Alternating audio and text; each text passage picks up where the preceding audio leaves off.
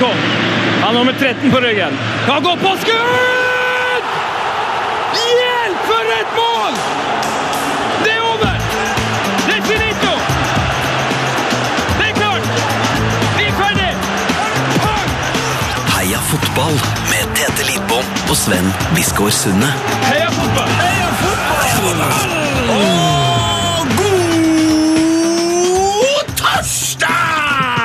Torsdag! For det er det vi driver med nå.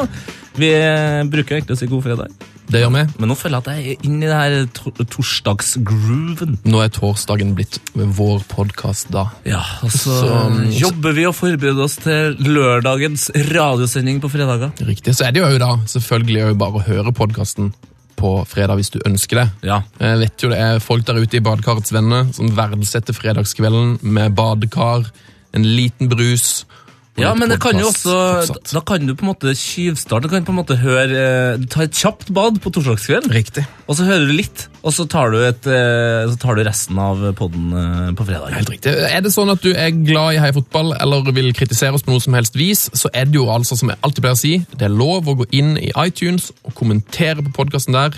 Gi oss stjerne. Fem, helst. Er det fem, er det fem som Det er er inntil toppen? fem som gjelder. Ah, okay. Ja. Så det er selvfølgelig lov å gi fem stjerner, det setter vi pris på, men bruk den som en kanal for om du syns dette er noe du liker å høre på. What's good, what's not? What's not? Åssen har uka vært for Tete Lidbom? Du, jeg har hatt en veldig fin eh, uke. eller Spesielt helga var god. Eh, hang med min nye venn eh, Felipe. Felipe Felipe fra Brasil. Driver han med MMA? Nei, han eh, er trommis, eh, sånn som meg. Selvfølgelig. Ja, I D-beat bands og så videre. D-beat ja, det, det er en egen liksom, hardcore-sjanger. Okay. Eh, og så er han tatovør. Så han har tatovert eh, meg, endelig. Å, yes! Jeg ser jo bort på ditt eh, nye kunstverk på din venstre skulder. Ja. eh, rett i T-skjortekanten, og du går med cutoffs, så det er jo ganske høyt oppe. Riktig. Der er det altså en eh, krone, en kongekrone, Ja. på hodet til King Kong. Ja, altså Det er en gorilla rett og slett, med en krone på. Eh, Donkey, Kong, Donkey King Kong, som jeg liker å kalle. Er det sant at du vurderte å tatovere Per-Mathias Høgmo helt fram til du så eh, Tyskland-kampen? Eh, ja, eh, på den andre delen av leggen min hvor du da har tatovert eh, på meg, eh, der har du tatovert en støvel, og så står det 'Hvil i fred, Norges Fotballforbund'. Eh, på en måte et lite hint om at eh, det norske landslaget kanskje ikke gjør det like bra etter Drillo, eh, som det alltid gikk med støvler. Nei, Norge er ikke i sitt uh, livsår, men det var ganske mye stygg statistikk på den Tyskland-kampen. Eh, Vi hadde vel nesten Null skudd på mål. ja, Selv om King hadde en ganske bra sjanse som blåste rett over. Men ikke King Kong. Vi ble utspilt. Vi, ja, ble rundspilt. Eh, Stefan Johansen sa det vel kanskje best. Uh, han sa at han aldri har blitt så rundspilt, med unntak av når han har spilt Fifa. Det er sant. Det er litt sånn når du sammenligner landslagskampen din med det du har holdt på med på Fifa, da skjønner du at her, ting går ikke helt veien her nå. Vi skal heldigvis da møte San Marino og Aserbajdsjan neste, samtidig som jeg føler at det kanskje er veldig skummelt nå som vi er i den formen vi er. Ja, nå, altså De kunne ikke møtt San Marino og Aserbajdsjan på noe verre tidspunkt, ser jeg for meg. Nei, fordi la, la, oss si, da, la oss si at vi vinner 3-0 mot San Marino, da. Mm. Så er det på en måte Vi vet jo fortsatt ikke hvor vi har eh, landslaget. Nei. Det er helt umulig å si. Mm. Men jeg, jeg tipper jeg tipper det nå. Jeg tipper at eh, San Marino klarer altså, å holde seg til 0-0. Og Aserbajdsjan taper vi 1-0 mot. Du, du tror vi taper mot de? Ja. Jeg tror faktisk eh, at de kommer til å krabbe seg ut av søla og vinne begge de kampene. Wow. Det tror jeg. Det er godt å høre. Det er godt å høre. Det er noen som har trua. Eh, min uke kan jeg si det at eh, jeg har eh, Jeg tipper at du har lest eh, Knausgård med min kamp. Det har jeg! Det Ja. har jeg.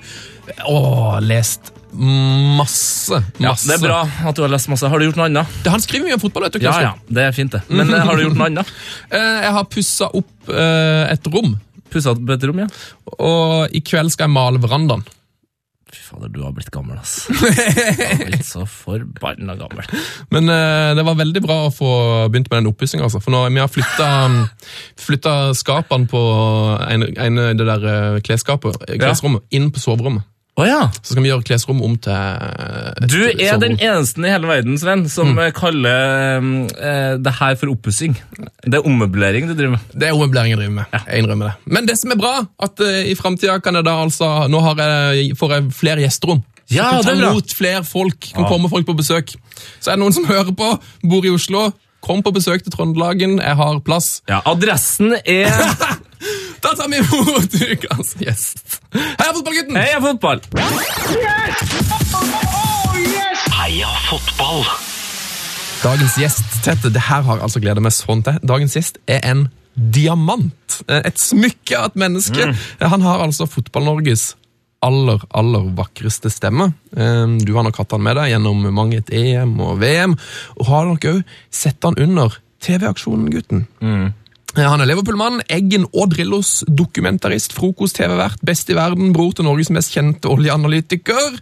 Eh, Tidligere oppmann i Reddy, visstnok den mannen i NRK som har aller flest e-post i innboksen sin, og en litterær figur i en Michelet og Solstad-bok.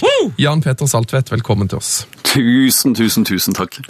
Fantastisk, denne her CV-en din. Og jeg, jeg, jeg var jo inne på Knausgård i åpninga her, men altså, Michelet og Solstad, du kommer vel nesten ikke høyere enn det. Og, og hvorfor har du vært en figur i en av deres bøker? Det var eh, Det er jo mitt eh, høydepunkt, eh, kanskje ikke i livet, men i hvert fall litterært så langt. En gutteklubb fra Nøtterøy, der jeg vokste opp, med oss som aldri lyktes helt på fotballbanen. Som fant ut vi skulle dra og se på fotball i stedet. Som eh, fant en gammel folkevognbuss sånn på våren 1990 og malte i italienske farver. Og kjørte nedover til Italia. Tok med oss et digert norsk flagg. Hvor vi skrev navnet på gutteklubben. Vi hadde jo sett, som alle andre, på disse store internasjonale kampene uten å ha vært der, og så jo det hang flagg alle steder, særlig fra engelskmennene, som jo var de vi så opp til, hadde nær sagt, i hvert fall den gang. Eh, Og fant ut vi skulle prøve det her eh, med et norsk flagg. Vi hadde ikke sett eh, noe lignende i noe, i hvert fall ikke noen mesterskapssammenheng. Så vi, vi tok med oss det her og hang det over, over gjerdet. På stadion der vi var, i Napoli, Sa- San Paolo, og kom på TV. Ah, Det kom var på TV. Det var jo helt vanvittig i 1990, kan bare tenke dere. Eh, Dette fikk vi jo ikke vite om før vi kom tilbake mange uker etterpå. Det var jo den lineære verden. Ja, det var ikke det var nesten ikke telefoner. mobiltelefon og. Instagram og Twitter Ja, ja, ja. og drit. Telex hjem og alt sammen. Så det var, men det høydepunktet kom jo da det nærma seg jul, og eh, det viste seg at eh, Jon Michelet, som sammen med Dag Solstad var og skulle skrive sin vel tredje VM-bok, hadde fått med seg det her og sett oss på flere kamper. Og eh, prøvd å finne ut hvem vi var, hvor vi var, og etter hvert beskrev oss som den mystiske gutteklubben. Eh, noe vi var veldig langt unna å være. Men eh, det, det, var et, eh, det var en eh, skjellsettende litterær opplevelse. Det sitter fortsatt i når det er så hyggelig å dra det opp. Fantastisk. Eh, Jeg har jo leita litt rundt om denne, denne gutteklubben, og den fins på internett. Den fins altså så voldsomt på internett. Og det er den det er den artigste sida jeg har sett siden 1998. Altså Her er ting som beveger seg. Ja, har, kjenner du til, du kjenner vel til nettsida, Jan Petter? Nei, Gutteklubben eh, FD Manndom på, på internett. Har du har ikke vært innom der? nei jeg har ikke turt. Altså Det er så mye bevegelse i den, eh, i den nettsida at uh... Jeg kan, jeg kan informere om at vi har jo da, Dere har jo da ført statistikk på oppmøte på møtene i, i gutteklubben. Jeg kan informere om at du hadde bare en oppmøteprosent på 47% mellom 1999 og 2004. Jeg ble kasta ut på et tidspunkt. Måtte, må, måtte hoppe i Linderudkollen for å få være med igjen. Det er beinhardt. Altså, det het, den eh, heter Klubben for ekte mannfolk. Ja. De gikk mye i fotball, regner jeg med? Ja, det gjorde det. Hvor, hvor er det, var det var Italia 90? Hvor- Hvor mange kamper var det på da? Nei, vi, var, vi begynte med Italia og Tsjekkoslovakia på Olympiastadion i Roma. Syntes det var ganske gøy. Så kjørte vi ned til Napoli, og der var det jo hele tida mørkt da vi var. Så vi parkerte jo på steder som virka ganske tilforlatelige. Våkna opp på et fisketorg omgitt av et par tusen eh, napolitanske fiskere. Som vi sett i ettertid kanskje ikke var det tryggeste stedet å være. Utrolig hyggelige folk. Eh, Kom oss på Kamerun-Colombia, hvor eh, denne åttendedelsfinalen til vår aller beste venn Higita og Roger Milla. Det var der! ja, ja. Ja, Wow! Eh, og det, mm, da hadde vi jo kommet til Kamerun gikk jo videre, vi hadde ikke trodd det. Eh, neste var England-Kamerun. er helt utrolig. Ja, det, vi hadde jo ikke ubetydelig flaks med de her billettene vi hadde kjøpt av en eller annen skurk eh, i Indre Vestfold. Ja, så dere hadde kjøpt alle billettene på forhånd, eller? Ja, uten Ja. noe anelse om hva dette var for noe. ikke sant? Det var jo sånn her møteplass bak en kiosk eh, inni en skog. Eh, og så dro vi, og så Jo, så var vi, vi var jo i Napoli og hang rundt der, eh, hvor vi syntes det var hyggelig. Eh, og så skulle jo Italia møte Argentina i Napoli 1990 i semifinale. Den fikk dere med dere, eller? Ja, og det, det var jo en ganske interessant opplevelse. For det var jo wow. Da de begynte å synge, disse 70 000 menneskene, så var det jo kun på én ting. eh, 70 000 italienere som sang Maradona. Og ikke noe som helst annet. Det var, eh, det var én det var én mann mot eh, Nord-Italia. Det er helt sjukt. Ja, de, Og de vant. Selvfølgelig. Selvfølgelig. Så, Det var, vant vel på straffesparkkonkurranse der, eh, Ja, det gjorde det. eh, Argentina. Herregud, for en klaff. Ja, det var, det var, eh, det var helt klaff. Eh, altså, jeg merker Når du har fortalt det, så har jeg lyst til å snakke om eh, altså det, Maradona var jo enorm på den tida, ja. men det var jo òg Roger Milla. For de som ikke husker VM 90, altså, kan vi liksom oppsummere den historien litt kjapt? Ja, det, er altså det vi fortsatt lurer på, er vel hvor gammel han var. Ja. Eh, fordi han hadde jo dansa seg rundt cornerflagget i ganske mange år uten at vi egentlig hadde lagt så innmari merke til den. Eh, før han da plutselig dukker opp der og begynner å skåre mål, eh, og har jo en målfeiring som ikke noen i Avalanche Fifa hadde tillatt innen den tida der. Eh, og så, jeg husker ikke når han skåret førstemålet, men jeg husker det der Colombia han skårte, mot England. Og plutselig jo, var jo den mannen hele verden eh, holdt med. Ja. Og, og det, det blei vel antyda at han var 36 år den gangen, fordi han skårte jo et mål i USA i 94. Ikke sant? Hvor det var påstått at eh, halve verden hadde jo vært i 40-årsdagen hans i mellomtida. Eh, Så han står vel i Jeg tror han står i bøkene som eldste målskårer eh, i et VM-sluttspill noen gang. Ja, ja, ja. Fantastisk. Hvor det har blitt han etterpå, har vi jo eh, lurt litt på. Han eh, henger vel rundt og danser et eller annet sted i Frankrike, tror jeg. Ja, for det, altså, Hvis jeg ser på Wikipediaen hans, så, så går altså da hans fotballkarriere fra 1970 til 1996. Altså, det, er utrolig lenge! herregud! Nå har du spilt fotball i 36 år, på Det- toppnivå. David Seaman takker det der, altså. Det som eh, Kanu som eh, Kanu var visst eh, bestemann i denne her. Det var en sånn Arsenal Legends-match forrige helg. Ja. Og Kanu skåret hat trick. Og, han må jo, og der var det jo snakk om at han var, liksom, at han var 30 når han vant OL-gull i 96 med Nigeria. altså. Ikke godt å si hvor gammel han er. Vi har fått noen lytterspørsmål, eh, og det er jo veldig mange som er opptatt av stemmen din, Jan Petter. Ok. Det setter jeg jo stor pris på, det. altså. Du har en veldig fin stemme, og den, eh, du, har voice, altså, du er jo en sånn voicekonge i NRK, vil jeg si. Ja, for, for dem som kanskje ikke vet det, så for meg da, så er du på en måte lyden av Sportsrevyen. Altså Når Sportsrevyen virkelig skal liksom gå inn i det fineste, vakreste, da dukker din stemme opp. Kavalkade. Ja, Det er jo utrolig, utrolig smigrende. Eh, men spørsmålet er fra Alexander Strøm. Eh, han kaller seg Alexander HS på Twitter. Når han legger stemme på korte dokumentarer, i hvilken grad gjør han til stemmen? Altså ekte stemme versus tilgjort stemme. Og kan du, er, det noe sånn, er han forskjellig fra din vanlige stemme, og, og hvordan bringer du han i så fall fram, denne her voicestemmen? voice-stemmen? Man, man henter inn masse luft, drar seg ned, eh, begynner å føle seg veldig dramatisk eh, inn i denne Knausgård-modusen dere snakket om her i sted. Prøver å ikke tenke på oppussing. Eh, og så, jeg, har, eh, jeg har noen døtre som sier 'pappa, ta TV-stemmen'. Eh, så- TV-stemmen, ja. Så det er, det er jo åpenbart ikke den stemmen jeg har til vanlig. Jeg mistenker meg sjøl for å begynne å prate mer og mer som det her, ettersom eh, jeg prøver å bygge opp et image rundt du Jeg vet ikke om det var noe ordentlig svar til hvor, mange, Alexander. hvor mange prosent eh, tilgjort er han, vil du si? Jeg syns han er ganske close på din ekte stemme. Det er jo, jeg er jo glad for. Det, der kom den tilgjøringa, som jeg sa. Det begynner å nærme seg et sånt bilde man har lagd av seg sjøl. nei, jeg vil si 23 23 ja. Når eh, du sier at eh, når døtrene dine vil du skal ta stemmen, er det sånn der eh, Eh, Jeg snakker da om, om, om, om smørets reise fra kjøleskapet til kjøkkenbordet. Det var i de dager. Det var kaldt i kjøleskapet. Ja, det, det er, Mandagene kan bli bedre framover. Jeg setter pris på innspillet. Lite visste Tine hva som ville skje. Da de nei, nei. Um, dere sov i et veikryss under VM i Italia. Ja. Vi gjorde det. Det høres jo eh, spennende ut, men kanskje ikke så veldig behagelig. Høres ut som russefeiring. Ja, det, det, det var en forsinka russefeiring. Vi ble vekt av noen carabinieris som uh, sto og lurte på hva vi holdt på med. Hva er karabineris for noe? Det er uh, italiensk politi. Uh, de som har på seg solbriller hele døgnet. Ja, ja, ja, ja, ja. Det, det, altså, det italienske politiet var de første som uh, fant ut at her skal vi bruke penger på en Lamborghini som politibil. Uh, og, og det er jo på en måte, det er litt sånn de oppfører seg òg, kanskje. Ja. Ja, de er Det er det. på det. Du, du reiser deg når de kommer. Hvordan havna dere i den rundkjøringa? Eh, nei, det var, det var gress der, og så var det seint. Og så fant vi ut at det var plass til folkevognbussen, og så var det jo ikke så mye biler rundt. Men det var jo, da vi våkna, så var det jo bilkø i alle retninger, og som sagt disse karabinerene.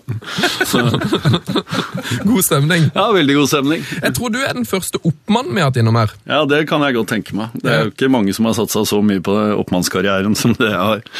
Eh, har involvert denne oppmannskarrieren Dan Eggen på noe vis? Ja, Eller? det gjorde det. Det gjorde det, Eh, Det var um, Tor Todesen, eh, kjent som eh, årets trener i 2006 i Norge. Ja, ja. som er en gammel kompis av meg fra Nøtterøy. Som skulle, spilte i Reddy i Oslo da jeg begynte å studere her ennå.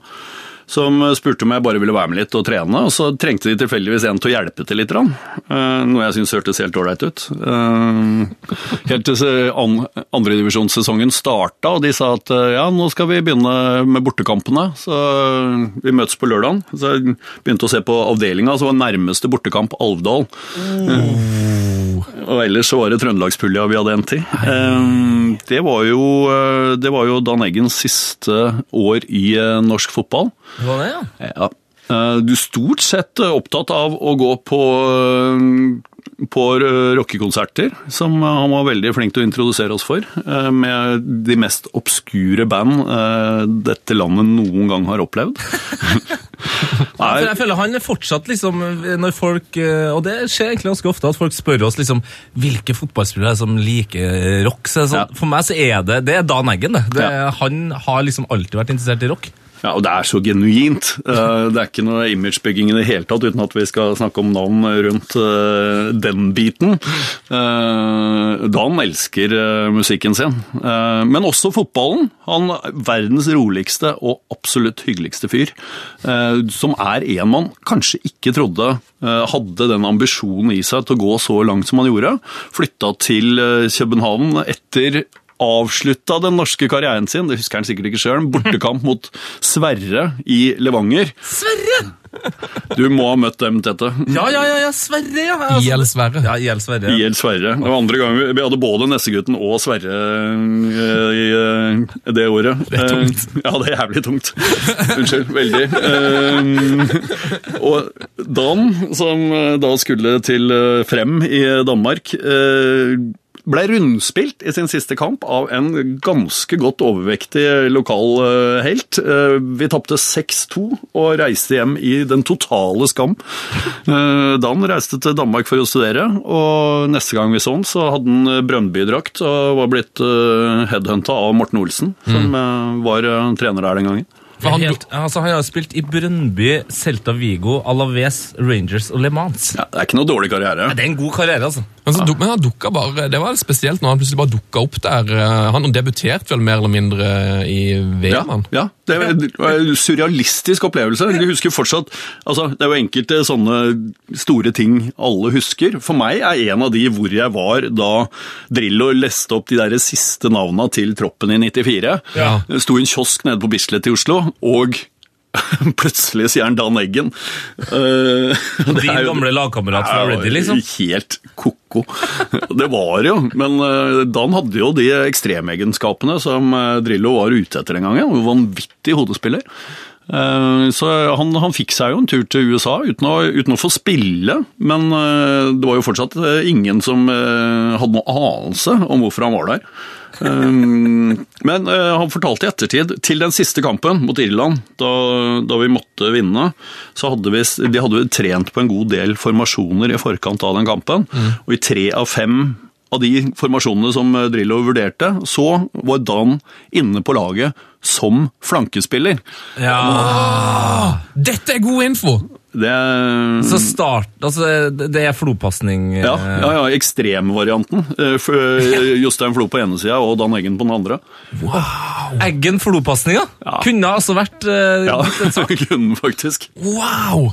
Dette er helt fantastisk. Det har jeg aldri hørt om før. Også Nei, ikke jeg heller. Egil, Egil benekta det sjøl da jeg spurte ham om det òg, men jeg er helt sikker på at det stemmer. Men så utrolig forvirrende for eh, et eh, motstanderlag å ha altså en melkehvit kjempe på den ene sida og så en stor norsk krøllete dude på den andre. Altså, det, det er jo det er taktikken i seg sjøl. Totale forvirring. Eh, Du har jo jobba i sporten i flere år. Ja. Du har, hvor mange OL og EM og VM har det blitt? Å, faen. Uh, Banner mye? Det er jo sikkert det er lov det er lov i podkastsammenheng. uh, nei, det har jo blitt en del. Jeg kom meg ikke til OL før i 2008. Eh, fikk feira 40-årsdagen min i Beijing. Eh, det, det var jo vanvittig bra. VM ble jo sendt på allerede etter å ha vært i sporten i under et halvår. Rett og slett ved at jeg lurte daværende redaksjonssjef Viggo Johansen til å tro at jeg snakka fransk. Eh, Så han, eh, han, han mente at det var en såpass viktig egenskap at han gambla på å sende meg til eller, som reporter til VM i eh, 1998, som én av to. Den andre var Knut Nesbø, som på det tidspunkt var Jeg hadde en eller annen sånn frilanskontrakt borte i London, så det er jo tidenes minst populære eh, opplesning av et eh, VM-lag i NRK-sporten noensinne. Så du bare, du bare påstod at du kunne nok fransk til å imponere, og så dro du dit og kunne ingenting. Men hva fikk du gjort mens du var der? da? Altså, var det, altså, det var jo en del stjerner i det, i, i det VM-et der. Det var jo øh, Altså, man kommer dit uten å ha jobba så mye med sånne ting, så tenker man jo bare at uh, Altså, man går jo rett inn i en godtebutikk etter Ja. å ha vært på to VM sjøl og sett det litt på avstand og sett uh, disse stjernene og alltid vært fascinert av VM-fotball. Så begynner vi å komme til Paris sammen med fotograf Geir Larsen, som jeg jobba sammen med hele veien der. Eh, og så det, får vi beskjed om at eh, Brasil, som er kjempefavorittene, stiller ikke på noen ting, men de skal spille en oppvisningskamp borti eh, La Defance eh, midt i byen der, på en sånn liten bane. Eh, de hadde ikke hatt pressekonferanser, det var litt sånn opprør i brasiliansk media, fordi de stilte ikke på noen ting, men Nike Ja. Kunne da bare si dere kommer hit og har oppvisning innen en Nike Park som var eh, bygd opp der. Ja. Så vi drar jo bort på måfå, inne på en sånn ishockeystørrelsebane, st- st- flyr rundt og happer litt. Rann. Kommer bort til sida, står og henger. Vi snakker med Ronaldoer og Leonardoer og eh, Dungar og hva det nå er for noe, akkurat så lenge vi vil. Carlos Moya, som akkurat har vunnet eh, franske i tennis, kommer bort og spør om vi kan introdusere han for noen av de brasilianske spillerne. Og for oss så var jo der, tenkte vi, ok, sånn er livet som eh, VM-reportere. så det var jo et eh, helt strålende utgangspunkt. Så gikk vi bort til hotellet der for å, vi skulle ha, jeg husker ikke, en kaffe eller noe sånt. Så er det bare liksom, hvem, han som sitter utafor på en stol der. Uh, Cantona. Eh, sånn, ja, det går jo bort. Og så har jo min venn fotografen har jo kamera over skulderen, så han bare sånn ah, ah, ah, ah, ah. Nei, nei, nei, nei, kamera. Bort, bort, bort. bort. Ok, går og setter kamera, og da kommer han, reiser seg, går bort, sier sorry, sorry, kan ikke vise at jeg er her. Frank Frankrike og VM, og det var kontroversielt, han Ja, ja, ja, ja, ja. rundt det. Ja, så står vi sikkert en halvtime og prater med han. Eh, verdens triveligste fyr. Jeg nevnte ikke at jeg var Liverpool-supporter, eh, uten at jeg tror det hadde hatt eh, noe som helst å si i den sammenhengen. Eh, og det, det var liksom den eh, lista eh, vi la for oss sjøl på Men hva, hva, når man da liksom uh, får ned det her kameraet og garden til Cantona eh, går ned, hva er det man Hva snakker man om? ja, hva, I hvert fall med din eh, flytende fransk. Hva er det liksom Jeg var, jeg var ikke direkte lei meg for at han hadde vært noen år i England, det kan jeg love deg. Jeg har ikke anelse om hva vi snakka med han om. Uh, Vi snakka om Frankrike og Paris og sjanser og brasilianere og livet når man ikke var på eh, Og så fikk vi han til å signere ei T-skjorte til uh, vår kollega Erik Strand, som, til Erik fra Erik, som vi syntes var en litt morsom greie til en svoren United-fan. uh, som vi da tok med da vi skulle ned til La Bolle og møte de andre som jobba rundt uh, norske landslaget. Eh, og dette trodde han jo ingenting på, så han, han heiv hele T-skjorta, viste det seg i ettertid. Nei, nei, nei, nei, nei. Han påstår han har den på loftet, jeg veit han ljuger. Eh, Så det var eh, Men ellers så var det jo Vi var jo, vi var jo i La Bolle. Eh, Det var jo ukans, eh, altså den basen til Norge. Ja, jeg, husker sånn, det var, det var en Eggen og Graff som satt ute i en hage der, og, og det var utenfor spillerhotellet, mer eller mindre. Stemmer. Det var Veldig akkurat utafor gjerdet. De eh, spillerhotellet bak. Det var litt sånn Der går Roar Strand ut av døra. Eh, følelsen. Eh, det var jo en liten, hyggelig fransk havneby. Eh, hvor vi eh, syntes det var hyggelig å være med masse norske journalister. Og så var det jo en av disse fridagene hvor det da ikke var noe Jeg husker ikke om det ikke var trening eller det var rett etter første kampen eller hva det var for noe. Så går altså hele den norske pressen ut på en gang. En sånn helt legendarisk rotbløyte hvor alle er samla på ett sted. Og det er så stille den neste formiddagen og dagen som det aldri har vært i La Bolle før, tror jeg. Eh, Da var alle godt eh, hangover, altså. enormt.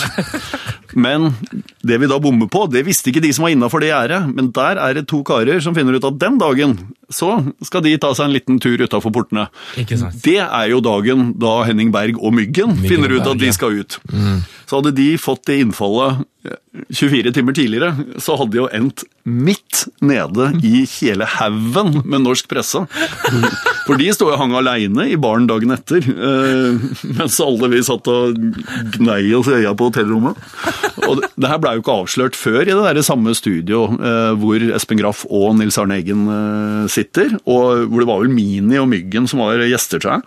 Eh, hvor de bare antyder at noen hadde vært ute og rørt seg litt. Ja, så, så begynte moroa. Da sa Myggen at eh, han hadde sett eh, noen fra av deres rase òg, var det ikke det han sa? Eh, Som hadde, vært, journalist, journalister, ja. som hadde tatt, tatt seg en Stemmer det. par, et par pils. Det er, mulig det var noen som fant ut at det var den greieste måten å komme seg over dagen derpå. Men åpenbart ikke nok fokus til at de skjønte at det sto to norske landslagsspillere ved siden av dem i baren. Eh, når, eh, når vi har uh, snakka med en del kollegaer der før du kom på besøk her, okay. og og de fleste sier at vi er nødt til å snakke med deg om VM 98. Ja. Eh, og da, Stikkordene jeg har fått, er Cantona, Vieri, VM-finale med en tidligere Man United-manager, også noe med Pelé. Pelé. Ja, Pelé. Uh, ja, jeg møtte Pelé, og stemmer det. Det, det, det passer, ja, nettopp, ja. Ja, ja. Eh, ta den i måte, da, da, var da var vi kommet til Paris, Norge var slått ut. Uh, vi endte på en bitte liten altså De er gode til å feire i Frankrike, særlig at det er utenlandsk medie på plass. Så dro, vi dro ut, og så endte jeg på et eh, Selvfølgelig første gang i mitt liv, på et nachspiel. eh, sammen, med, sammen med en masse brasilianere. Hvor langt utpå morgenkvisten jeg får en telefon om at eh, Pelé har pressetreff om en halvtime, eh, og jeg må dra. Så, så jeg måtte da få en brasilianer til å kjøre meg til et eh, pressetreff. Eh, Litt vann i ansiktet, og så rett inn og De trodde jo ikke det var sant. Eh, Inn og skulle snakke med tidene- tidenes fotballspiller. Som så litt rart på meg, men eh, svarte høflig på sammenhengende spørsmål på om hvor, hvor gode Norge var eh, kontra Brasil. Ja, for det er liksom en ting man ikke må glemme, at Norge har liksom slått Brasil, altså selv om Brasil gikk videre, så er det sånn Vi blei jo, ble jo dratt forbi køen eh, for å snakke med, snakke med Pelé på det tidspunktet ved at vi var, ved at vi var norske. Ja. Så det var jo helt surrealistisk. Det sto i BBC og de franske kanalene, alt sammen sto jo der og så surt på oss. Eh, Særlig ut fra mitt, eh, min tilstand, sannsynligvis. Eh, Der, og force majeure. Men det gikk, jo, det gikk jo veldig fint. Du nevnte Vieri. Det gikk jo ikke like bra. Én ting er jo at han, eh, han endte med å eh, slå oss ut av, eh, av VM med det målet i åttendedelsfinalen. Dag, dagen før, to dager før, så er vi på italiensk pressetreff. og det er, jeg snakka jo like godt italiensk som fransk. Mm. så jeg hadde fått skrevet opp tre spørsmål på en blokk. På, ikke sant, den derre Kepenza uh, Ja, hva hva den enn er for noe. Dere snakker sikkert uh, mye bedre italiensk enn meg. Uh, No, no, no. Og de kommer gående. Kan tenke dere Bergomi med de øynene hans. Hun Bare stirrer på meg, går rett videre idet han hører spørsmålet. Så kommer den, denne stjernen Vieri bort, stiller seg opp og er noenlunde positiv. Helt til den stotringa mi, hvor han bare sånn, helt åpenbart oppgitt eh, rabler av seg en setning, rister litt på hodet, går videre. Jeg tenkte det var litt merkelig oppførsel. Vi hadde fått litt Vieri, vi kunne lage en sak, men så gikk jeg og lurte på det grann der. Og så leste jeg en avis seinere på kvelden etter vi hadde sendt stoffet til Oslo. Der står det at Vieri er uglesett i den italienske troppen og blant de italienske supporterne. Fordi italiensken hans er så dårlig. Oppvokst i Australia. Mannen snakker mye bedre engelsk enn han snakker italiensk. Så han trodde at du fornedra han? Ja, det var jo akkurat det. Han var litt sånn Hei, endelig kan vi snakke på et språk vi begge to liker veldig mye bedre enn det greiene her. Og jeg begynner igjen med den stotringa mi, som bare gjorde ham full. Nesten som en slags mobbing av Jeri. Jepp. Han tok igjen, så det sang. Løp, løp fra vår venn eh, Dan Eggen og skårte det eneste målet der. Så det er, de, det er litt de skyld, rett og slett. Men, men du, var jo, du var jo der når Norge slo Brasil. Ja. Altså, hvordan, hvordan opplevde du det? Jeg var jo Jeg hadde jo oppgaven å være indre bane-intervjuer eh, på de norske kampene. Som betydde at vi i pausen Altså, det, det var jo intervjuer som gikk ut til hele verden, i den grad de var interessert i Bjørn Hansen i pausen. Noe jeg i ettertid vil tro de var veldig interessert i. Ja. Eh, men det er Man kommer, laget som leder får snakke først. Da kommer en assistenttrener, du tar noen spørsmål, og så går du igjen. Etter kampen, laget som har vunnet får sin trener bort først. Dette går ut til alle som er interessert, osv. Vi sitter oppe og ser på kampen. Eh, 1-0 til Brasil. Eh, Kvarter igjen, hvor vi da har fått beskjed om å gå ned og skulle melde oss. Så jeg går, jeg husker, eh, går ned i betongen på eh, Stad Velodrom og hører roping, eh, jubel, et eller annet ute. Eh, litt sånn eh, forvrengt nede i betongen der. Ja. Kommer ned til sånn sluse helt borterst i hjørnet, og det kommer en sint franskmann mot meg. Og jeg sier jeg skal intervjue. og hva har skjedd? Ah, Brasil, Brasil. Så jeg tenker ok, 2-0 eh, til Brasil. Ikke veldig mye å gjøre med det greiene her. Og jeg forbereder meg da på dette siste intervjuet med Drillo. Han skulle jo slutte etter, eh, etter at vi ble slått ut av VM. Eh, før, eh, like før slutt da denne straffa kommer, eh, og jeg, jeg ikke skjønner jubelen på tribunen over eh, For den norske tribunen var jo rett ved siden av. Ja. Over at vi har redusert til 2-1. og jeg til slutt må spørre en annen franskmann som snakka litt grann, eh, bedre engelsk. eh, hva skjedde her? 2-1 til Norge, og han hiver seg rundt halsen på meg og gratulerer. Oh.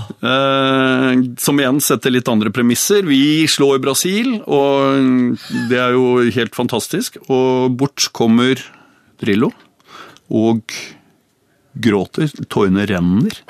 Som er, jo er det siste man egentlig forventer av eh, en mann av hans eh, gestalt. Eh, og med en, en så Han er jo, jo er veldig, veldig kontrollert i alt han gjorde. Ja. tårene renner. Og det er liksom to sekunder igjen. Jeg tar fram mikrofonen og skal stille, og så bare plutselig så går opp for han, han er på vei på TV, og så bare sier han nei, nei, nei, nei. nei. Så snur han. Eh, og går seg en runde, øh, tørker tårer, øh, fatter seg, kommer tilbake, og så går vi på. Og det er jo fortsatt tårer der, og det er jo fortsatt enormt bevega. Og får, masse, får høre masse Altså, Drillo gråt da dere snakka sammen. Som, jo, som han jo gjorde, men det ene sekundet unna at tårene virkelig rant, er, jo noe av, det, eh, noe av det som sitter sterkest igjen. Eh, og han, eh, Men han, han, var, han var virkelig bevega, og det, det var en veldig, veldig fin ting å se. Det mener jeg jo fortsatt. Han hadde en intensitet ved seg der som eh, han sikkert hadde godt av å hente fram eh, flere ganger. Herregud. Det er en litt spesiell situasjon nå, da. Det er, jo, det er jo helt utrolig at du på en måte går i en sånn her jobbtåke mens, mens hele kampen snur, og så nesten rett før du sjøl skjønner hva som har skjedd, så står du og ser på en gråtende Drillo, Ja, er- som egentlig skulle slutte for eh, et kvarter siden, men nå skal han spille åttendelsfinale i, i VM, liksom. Altså, Ja. Det er jo helt Ja, det, var, det var jo en ganske spesiell situasjon. Herre mann. Eh, Hadde du noen spørsmål på blokka? eller? Nei, ja, du, ja, jeg hadde jo masse spørsmål om hvordan det var å avslutte på den måten her. Det verste vi veit, og det veit jo dere òg, begynne å improvisere. Nei, begynne å være følelsesmennesker. Men uh, jeg, han eh, jeg, jeg trengte ikke å si så mye. Eh, Vi må snakke mer om uh, litt sånn VM og EM etterpå, men vi har fått et eh, lytterspørsmål fra din kollega Tommy Barstein. Han har vært så forward at han har rett og slett postet det på Twitter. Det setter vi veldig pris på. Ja, ja. Um, Han spør Nei, han sier spør, spør hva han skal i helga. Garanterer et, at svar engasjerer. Oi! Jeg skal feire 70-årsdagen til Arne Skeie. Åh, Det er vel innafor. så innafor, det! Hvordan, Sammen med Tommy Barstein. men hvordan feirer man eh, 70-årsdagen til Arne Skeie. Hvordan gjør man det? På et fotballbibliotek, tipper jeg. det er mitt tips. Jeg, jeg skal be om innspill sjøl etterpå. Vi, Ja. eh, observante lyttere vil jo få med seg at eh, Arne fylte 70 for to og et halvt år siden.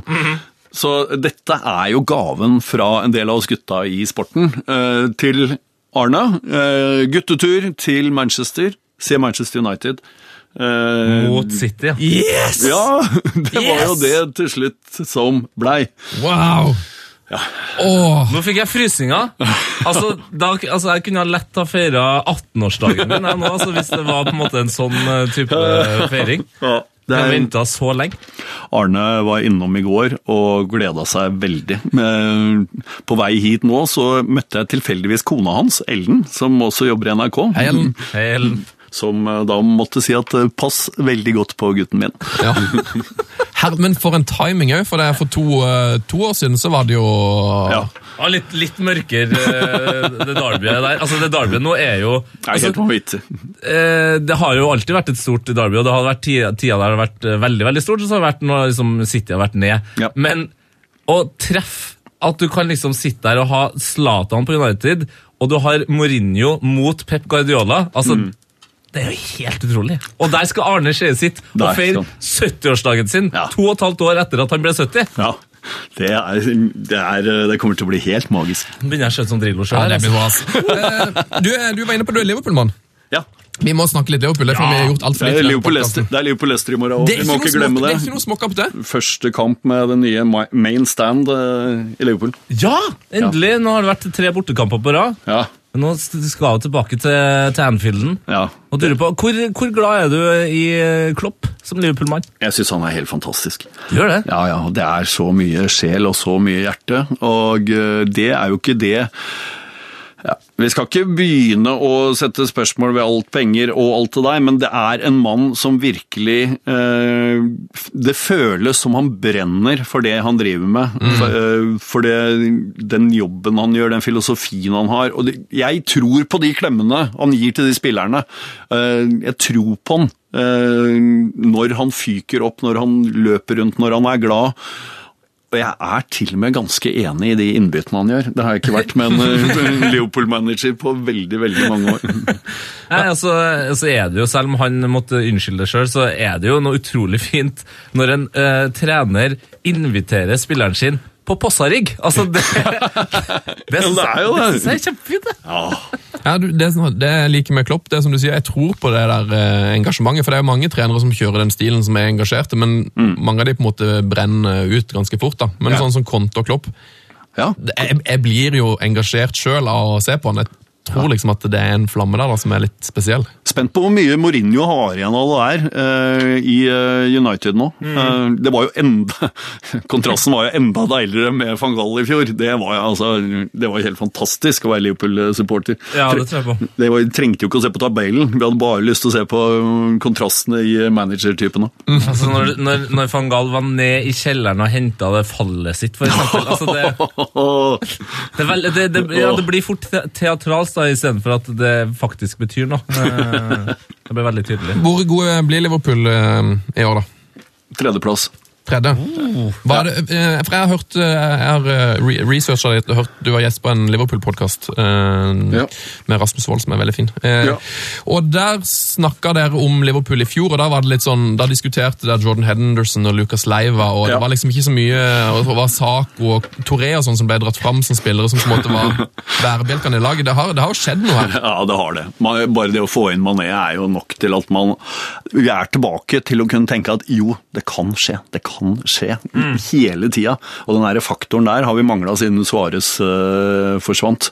Uh, når i tillegg er Klopp på sida, så tenker du at ja det, det, det er til enhver tid en mulighet. Og det er den følelsen vi ikke har hatt som Liverpool-supportere på en stund. Eh, Så, altså, så kan man si at eh, det er kanskje ikke Ragnar Klavan som var eh, det kjøpet vi hadde håpa på når det gjaldt forsvarsspillere og sånn i sommer. Men, men men, altså Liverpool med en, om ikke skandinavisk, så i hvert fall en sånn nordeuropeisk kjempe baki der, det, det, på en måte, det har vært en vanlig ting. Man må ha det. Ja da. Det, altså, vi savner jo fortsatt hyppige baki der. Ikke sant? Så, så dette er jo det nærmeste vi har kommet. Du har helt rett i det. Prøvde med Frode Kippum, men det var, det var ikke helt eh, det de var ute etter en gang i tida. Eh, så det, ja, han, han er nok et eh, Klopp, er slu, altså. Han vet hva han driver med, særlig når han henter Bundesliga-spillere. Mm. Men eh, jeg tror Klavan er glad han skal tilbake til Liverpool nå, etter den der landskampen i midtuke, som ikke akkurat var noen stor eh, opplevelse for han. De har veldig mange gode eh, offensive midtbanespillere og Ja. egentlig også sentrale midtbanespillere. Det er liksom sju-åtte navn. Jeg spiller jo Fantasy, jeg syns det er vanskelig å plukke, plukke spillere der, for du vet ikke helt hvem som starter. Hvem, i, hvem hadde du satt opp en drømme midtbaneangrep? Hvilke spillere er det som bør spille hvor? John, sammen med Altså eh, ja, det er jo veldig Altså, jeg vil ha Sturridge på topp, eh, sammen med Coutinho og Mané. Og, og så mener jeg Firmino kan eh, spille på midtbanen. Eh, Firmino eller Lalana foran Chan og Henderson. Ja. Og Da havner Hames Meiner og Vinaldum og disse her, de Ja, nei, jeg har ikke blitt overbevist av Vinaldum ennå, men eh, det, det kan komme. Um, men ja, jeg, jeg, ville gått for det øyeblikket. Men det er klart eh, Det å vite at man har James Milner i bakhånd, er jo også en sånn altså, det, det gir en eller annen sånn varme i hjertet. eh, for det er en som alltid vil gå ut og grave i jorda for deg, uansett hvor oppgitt du blir av eh, det de andre driver på med utpå der. Ja? Jeg, føler, jeg føler jo at han han, burde, altså, han er jo bærebjelken. Han er jo den, egentlig den viktigste spilleren de har. Kanskje, kanskje vi skal bytte Henderson med han? Ja, men jeg, jeg, jeg skjønner ikke eh, det her. Altså, Han er på en måte den beste spilleren på Liverpool, til og med når han spiller venstreback. Skjønner ja, jeg skjønner hva du mener. han har, han har jo vært eh, i gamet akkurat like lenge som Rooney. Det er liksom karrieren de har fulgt hverandre. Og jeg må jo faktisk si at eh, De siste fem årene så har jo Milner, selv om han, har, han er en sånn glemt spiller, så har han jo faktisk levert på et høyere nivå sånn jevnt over enn Rooney. Ja. Men Allikevel så er han liksom ikke eh, fast på Leopold. Det, er- det er noe liksom trist med at han ikke får den anerkjennelsen han fortjener. Og det, du, du så jo Liverpool uh, etter hvert i fjor. Altså Milner Med all respekt for Henderson, Milner som kaptein fremsto som akkurat den spilleren du, du nevner der. Ikke sant? Den som bærer laget framover, altså. Enig. Enig. Takk. Eh, eh, trenger du en eh, liten kaffepause, litt påfyll, eller skal vi bare gønne videre, boys? Eh, kjapp kaffepause? Kaffepause. Ja, litt kaffe. Og så en liten jingle der, boys. Ja. Oh, oh,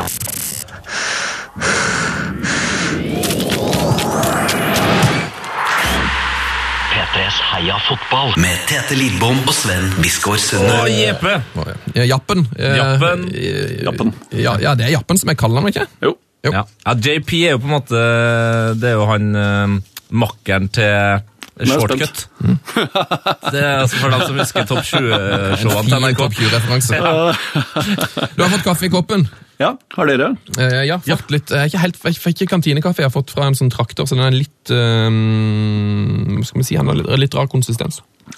Den er, den helt vanlige kaffen jeg har fått. Du Ja. er litt for fin på det. Sånn. Jeg har litt rar smak på cave. Nei, Jeg sitter og leser eh, Min kamp og greier.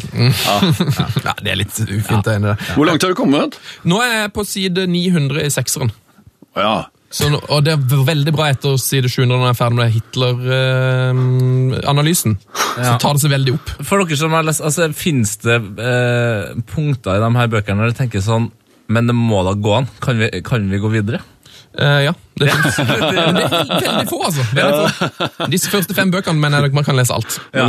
Veldig godt spørsmål. Nei, vi, prøv, vi prøvde å få med Knausgård i eh, et eh, VM-program vi hadde, for å snakke om Argentina. Eh, fortsatt ikke fått sagt nok om den fascinasjonen sin, syns jeg. Nei, vi har prøvd å få det med her òg, Ja. men jeg tror han er ganske busy, altså. Men eh, Ja. vi, vi, til, det, Til sammen må vi klare det på et tidspunkt, ja, føler jeg. var det VM eh, 2014, eller? Ja.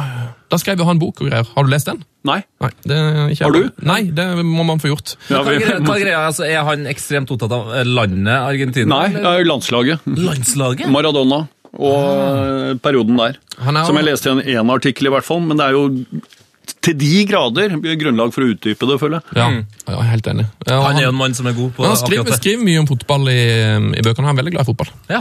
Ja, jeg vet han har spilt på forfatterlandslaget både for Norge og Sverige. Oi. Så han er Det er, den æren er det ikke mange som har Nei, det er hatt. ganske, altså. ganske spesielt. Eh, du, må, eh, Ja. du må rette opp, eller må du forklare noe for oss her. Ja. Jeg får tips fra en god kollega der om at du eh, søkte utsettelse på eksamen i juss ja. fordi du skulle på fotballkamp. Ja. Veldig gode kolleger her, skjønner jeg. Ja. det var jo samme gutteklubben som hun nevnte i sted. Vi var, eh, dro til Göteborg og kjøpte billetter til EM i Sverige i 92. For det var jo eh, ja, det var jo rett ned her. Ja. Så eh, vi dro jo så en, fikk en del Danmarkskamper. he- heldig der, da. Ja, vi var jo der. Vi så England- England-Danmark først. Det var en ufattelig kjedelig kamp. 0-0 nede i sånn kald kveld nede i Malmö. Og så taper jo Danmark for Sverige, tror jeg. Eh, Sånn at siste kampen så skal Frankrike bare ha uavgjort mot Danmark. Og Danmark var jo med all respekt ikke spesielt gode, eh, i hvert fall på det tidspunktet. Eh, Og så tar jo ledelsen ved Henrik Larsen, og så utligner jo Papin. Selvfølgelig utligner Papin for Frankrike i 92. Og så kommer det der målet til Lars Elstrup ti minutter før slutt der, som er jo helt surrealistisk. Frankrike ute, Danmark til en semifinale. Og så har vi ikke noen semifinalebilletter, men vi oppdager jo igjen at vi har EM-finalebilletter.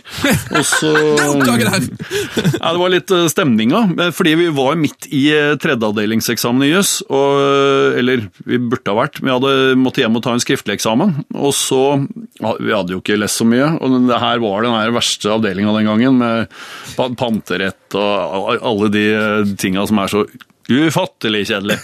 uh, i, I all nøkternhet. Og så, uh, på forunderlig vis, så har vi så uh, kompis som meg, som også var der. Så flaks at vi står.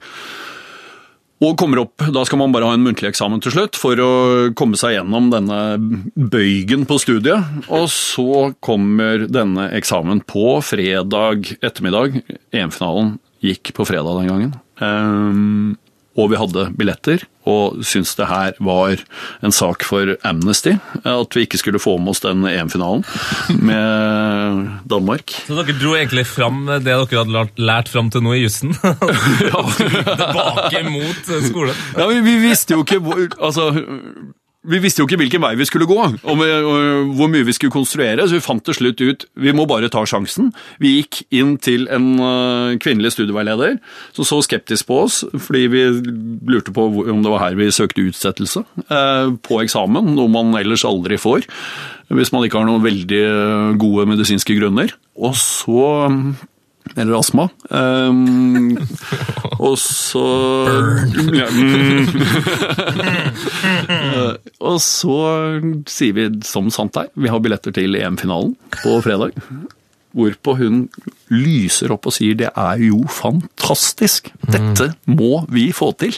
Nei, så fint! Ja, så hun fikk egenhendig flytta eksamen vår eh, fra fredag ettermiddag, da, kvelden for EM-finalen, til lørdag morgen. Vi- Lørdag morgen! Lørdag morgen i, på Universitetsplassen i Oslo, på universitetet. Uh, som jo ble en liten prøvelse, i og med at Danmark jo vant det her. og Göteborg var jo fullt av dansker. Uh, det var ikke bare bare å komme seg ut av byen der. Så vi endte med å kjøre et stykke ut på morgenkvisten og sov en halvtime i bilen. og gikk... eh, og gikk opp og strigla oss til og skulle ha denne muntlige eksamen. Og i tillegg da viste det seg vi hadde den verste sensoren som, eh, eh, som universitetet noen gang har hatt. Det hadde han, ja. Ja, du kjenner den. Sørlending, selvfølgelig.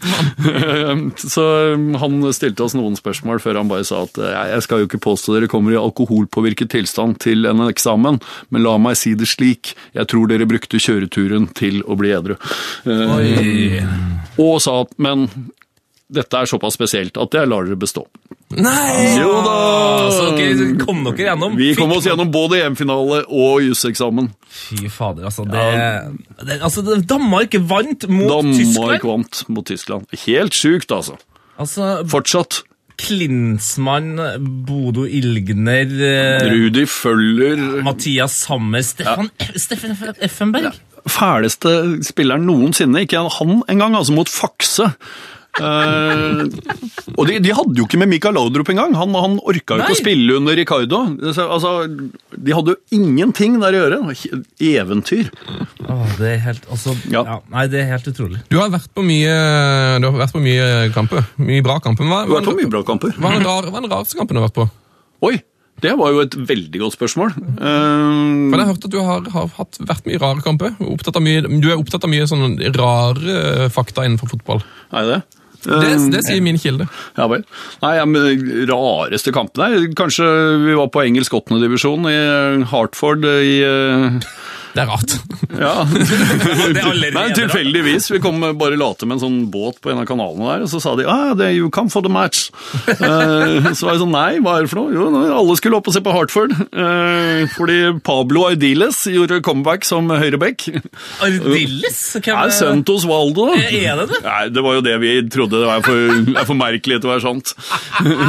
Så vi endte med å bruke en hel dag på hjemmebånd til Hartford. Vi blei jo invitert med inn i direktørlosjen etterpå og alt sammen. Eh, som viste seg jo selvfølgelig å være en eh, improvisert bar. Men eh, Ja. fantastisk stemning.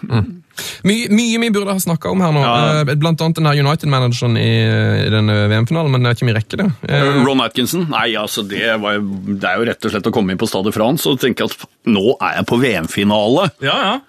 Og det, det har man jo alltid drømt om. Ronaldo man mot Zidane, liksom. Ja!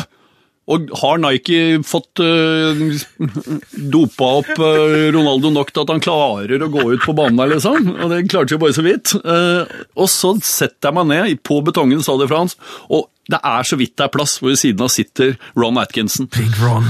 Big, Big Ron, altså. Da tenkte jeg nå er jeg på VM-finale. Andre sida av meg satt Paul Gordon Nilsen fra NRK Radio. det er jo, en maktperson i norsk idrett. Ja da. Du, du har, vi la ut et helt rått bilde av det fra, på, på vår Instagram i går, fra ditt møte med Peter Shilton. Ja. Eh, Det var så hyggelig. Eh, Peter eh, tar eh, 300 pund for å snakke om den gangen Maradona lurte den. Han gjør det, ja, for det, her er jo mannen som sto i mål når Maradona fikk hjelp av en Ja. såkalt gud, såkalt Guds hånd. Vår venn der oppe. Ja. Eh, ja, Peter, uh, vi hadde jo lyst til å snakke med han. Vi skulle lage program om eh, VM i 86, og uh, 300 pund skulle han ha. Det, det er, eh, Det er det er taks, taksten for en tidligere engelsk landslagskeeper. Det føler jeg liksom gamle sånn engelske fotballstjerner er veldig gode på å prise seg, om ikke ut, så i hvert fall opp. Det. Du har jo hatt et møte med Ray Clemens, og det sier alle jeg har snakka med i forkant, at det må vi høre om, for det var visst et spesielt møte. En gammel Liverpool-legende. Ja, Én ting er jo det. det. Det som alltid har vært spesielt med Ray Clemens, foruten å være en barndomshelt, er jo at han er på dagen 20 år eldre enn meg. Oh. Ja, og Det syns jeg jo alltid har vært morsomt. Og så går vi utafor stadion i Napoli, skal inn på VM-kamp der i 90. Plutselig går Ray Clemens forbi meg. Og Ray Clemens er jo for først en svær engelsk keeper. Han går da selvfølgelig i en bitte liten, trang sånn Tarzan-shorts og bar overkropp. det er ikke, noe tvil om at det var Ray Clemens, en ordentlig keeperlegende som gikk der. Finner jeg, nei, pokker heller, den ene sjansen jeg har. Drar opp eh, passet, løper bort. Og han kikker rart på meg. Jeg står og nipeker på datoen, og så plutselig ser han koblinga og banker meg i ryggen. kan du tenke deg de der labbene til, Peter, nei, til Ray Clemens? Tryner jo framover på fortauet, selvfølgelig, oh, mens han eh, ler og går videre. Men eh, det var, det var eh, nødvendigvis en stor opplevelse. Oppsummering av barndommen i, på ti sekunder. Men det er på en måte perfekt øyeblikk òg, at man liksom slipper noe mye mer prating. Ja. Det er bare, Man får liksom den fysiske kontakten, og man får virkelig kjenne på hvor svær han er. Og så får du se ham i en Tarzan-shorts, og så går han videre. Ja. Det er helt nydelig. Ja. Eh, Jeg har lyst til å snakke litt om den her Best i verden-serien som du har vært med og lagd. ja, så hyggelig. Um, der har, du, du du var inne på der var om, Det var vel der dere snakka, snakka med Shilton, da? Ja, vi, mm, Maradona trodde vi lenge vi skulle få også. Det, det gjorde vi ikke. Um, Hvordan får man tak i Maradona? Nei, altså Da prøvde vi via vår alles venn Terje Livrød, denne agenten som nå er i Uruguay. Og eh, dere var jo selv med og jobba på VM i 2014. hvor stemmer han, han, var jo i studio. em, men han var jo også sånn vi, uh, Trenger det noen, liksom? Trenger det René Hausmann? Trenger det Passarella? Liksom. Han er på giversida ofte. Ja, og vi litt sånn Ja, kom, kom med dem, liksom. Og han sånn Ok, uh, hvor skal jeg sende, hvor skal jeg sende diskene? Og sånn, uh, Hva snakker du om her? Han var jo den eneste som hadde med denne Gigia, hva det kan det hete? Jo, eh, han som felte Brasil Ja! på, på Maracanã i 1950. Terje Livre var jo den som fikk tak i den og hadde med tilbake til Maracanã. eh, Og bare sendte oss stoffet og sa er dette noe dere kan bruke. og da var vi sånn. Og det, det var jo den eneste gangen han kom seg tilbake. Han døde jo etterpå, Gigi. Eh, Så Livre leverte. eh, I den grad at vi trodde at vi skulle få med Maradona ut på Trinidad og Tobago, der av alle Terry Fennick bor. Si- Sistemann som ble rønna på vei inn til tidenes scoring. Men eh, Diego var visst ikke helt i form eh, på den tida der, så drømmen lever videre, som det heter. Så Livrød har Livrød mann å kontakte for alle i Sør-Amerika. Ja, det, er- det, er, det er følelsen vi gikk ut av det VM-et med, i hvert fall. Så du har speed dial Hvor har du har den? På eineren, eller? Jeg hadde egentlig, når jeg ville snakke om den, så ville jeg Ja. egentlig snakke om at du hadde møtt, møtt Åge Aleksandersen, men Ja, det er jo Snakk om helt. Ja, for det, det beste i verden-serien, da tok dere også opp den her eh, Milan-kampen til Rosenborg? Ikke Ja, ja. i Milano, som vi kalte det. Og det er, det er vel eh, den dag i dag. Eh, Åge har møtt, vært så heldig å møte i, i NRK-sammenheng. Ekstremt hoppinteressert, også fotballinteressert. Ja. Og så hadde vi lyst til å snakke med ham om Rosenborg, om sjela, den, der, altså den veldige tilhørigheten for hele Trøndelag til det her. Så Åge sier ja, dette vil jeg snakke om, og er dritgod. Helt fantastisk. Iversen, altså Jeg har ikke hørt én mann sette Odd Iversen så godt i perspektiv eh, som Åge Aleksandersen har. Nydelig. Dessuten så er han fra Namsos. Det er min mor også. Det er, det er Ja, Bånda er sterke, altså. Du har ordentlig trønderske aner. Ja, de er så En far fra Ytre Namdalen og en mor fra Namsos, det, det er vel godkjent. Ja, det vil jeg si. Hvilken eh, kamp set, eller hvilket mirakel setter du høyest av Milano og Marseille?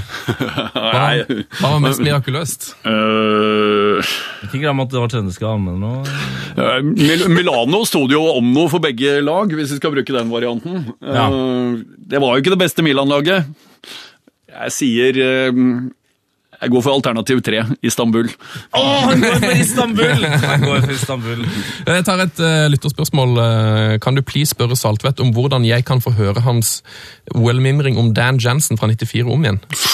Seriøst det beste innslaget jeg vet om.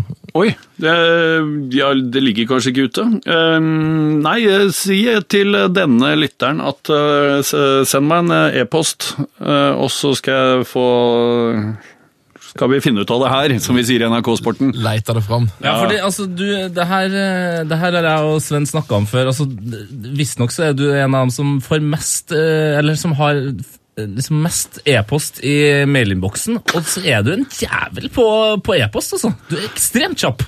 Nei, det? Ja, nei, det er jo ikke alle som mener det, men det er, jo, det er jo rett og slett eh, ut fra hvor hyggelige folk er, så kan jo en del ta til seg den der. Eh, Men jeg, jeg har vel et par e-poster, ja. Jeg er ikke så veldig god til å slette ting, eller Nei. rydde, eller pusse opp, som flere av oss.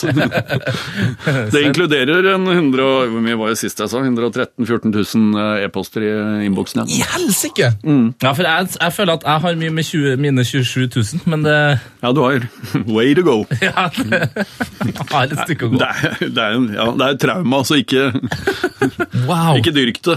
Dette her lukter jo en sak. Andre. Ja, men det, men det er sånn eh, Vi, har jo hatt Dette er sak! Vi har hatt kollegaer som eh, har på en måte må rydde, eh, rydde i i e-posten, og så har jeg konfrontert dem med at du, vet du, jeg tror kanskje du bruker all arbeidstida di på det. Ja. det da, da, da tenker jeg da er bedre å ha 27 000 mil i Det er sant. Nei, Vi får sette Assange på sakene for lekka.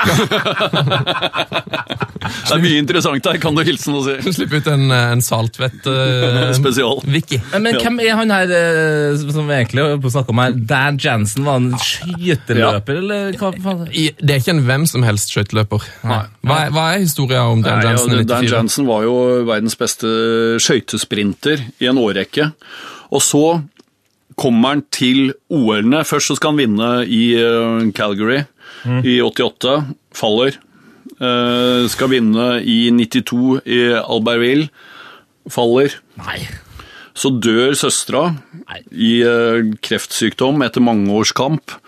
Og han kjemper seg tilbake for å skulle ta gullet for å hedre søstera på Lillehammer. Og mislykkes på 500-meteren. Alt virker som det er fortapt. Og så um, kommer 1000-meteren der oppe. Og det er, altså, det er jo, jeg får jo helt gåsehud bare begynne å tenke på det igjen. Som han da endelig lykkes og vinner. Og glir over isen i Vikingskip og på Hamar og eh, peker mot himmelen. Mens uh, lille dattera er på tribunen og er med faren. Uh, dattera som da er oppkalt etter den avdøde søstera. Det er Ja. Det, Wow. idretten, idretten blir veldig mye i en del sånne sammenhenger. Vi må få, vi får lagt ut det her på et eller annet vis, tror jeg. Så, så Ja, det- det- flere, flere får sett det igjen. Ja, det, det, må- det her må Ja. vi få unna. Det var en klassiker på sportsjukeboks der, husker jeg. Ja, det var, det var sånn sentimentale, sentimentale folk som kom hjem eh, litt utpå lørdagskveldene der. Nå skal jeg se Jansen! Vi stikker videre til ukas drømmelag. Heia fotball! Ja, ja, ja, ja, ja, ja, ja. Ja, ja, ja, ja. Går så det griner, det her, Jappen. Det gjør Ja. det. Eh, ukas drømmelag er en spalte hvor uh, vår gjest uh, tar med seg en 10-11, gjerne 14-15 spillere. Ja.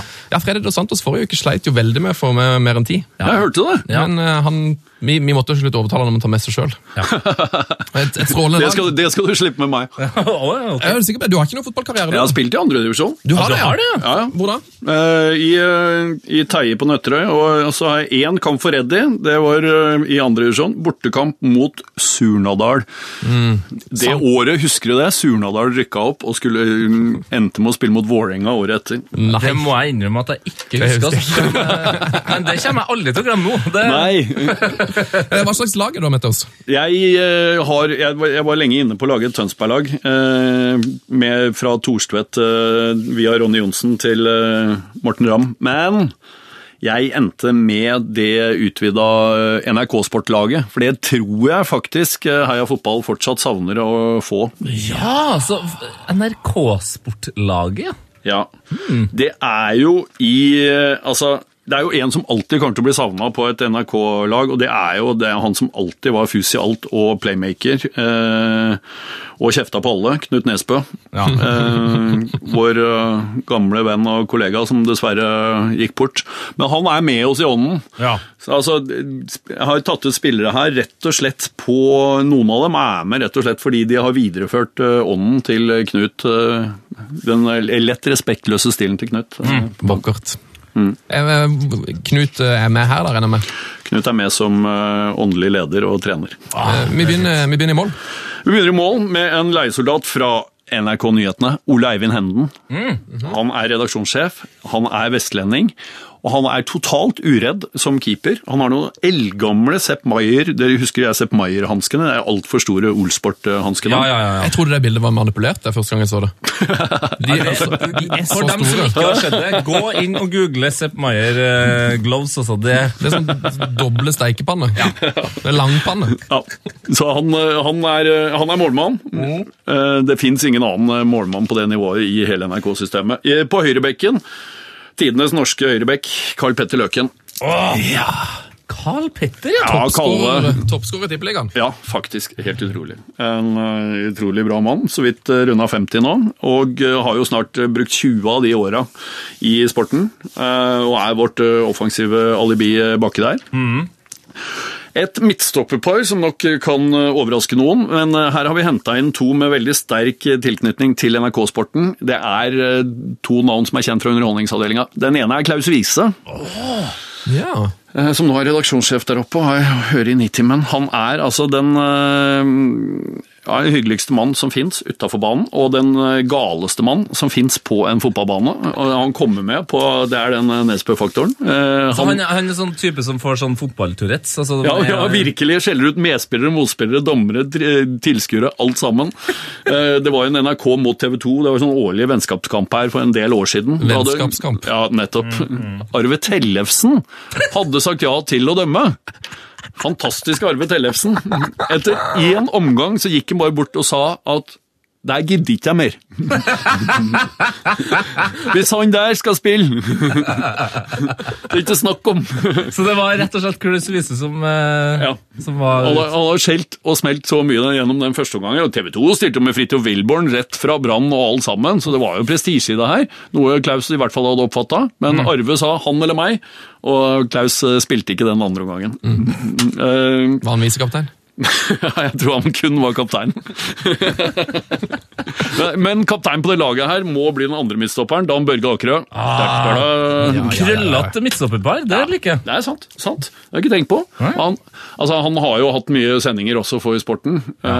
og er ekstremt opptatt av det vi driver med. Og eh, har jo eliteserieerfaring. Og satt på benken for Skeid, dette har han jo fortalt om sjøl hos dere, på, i cupfinalen i 1974. Ja, Han eh, var en eh, fin gjest. Eh, Anders Jeg mente jo at han stjal showet i Var det VM 82 eller noe sånt? For da han intervjua Ja, ja, ja, han hadde gått ut på banen her. statsleder og vært helt King Kong. Han blei jo henta rett fra sånn fest de hadde mens de så på Norge-England, opp for intervjuet etter kampen der oppe. En helt fantastisk intervju. det er nydelig. Det er solid bak her nå. Jeg syns det. Eh, Venstre, venstreback. eh, Enda et uh, Måtte ha med et sunnmørsalibi. eh, Og Tottenham-fan. Ole Rolfsrud. Ja, ja, vår kjære Ole. Ja.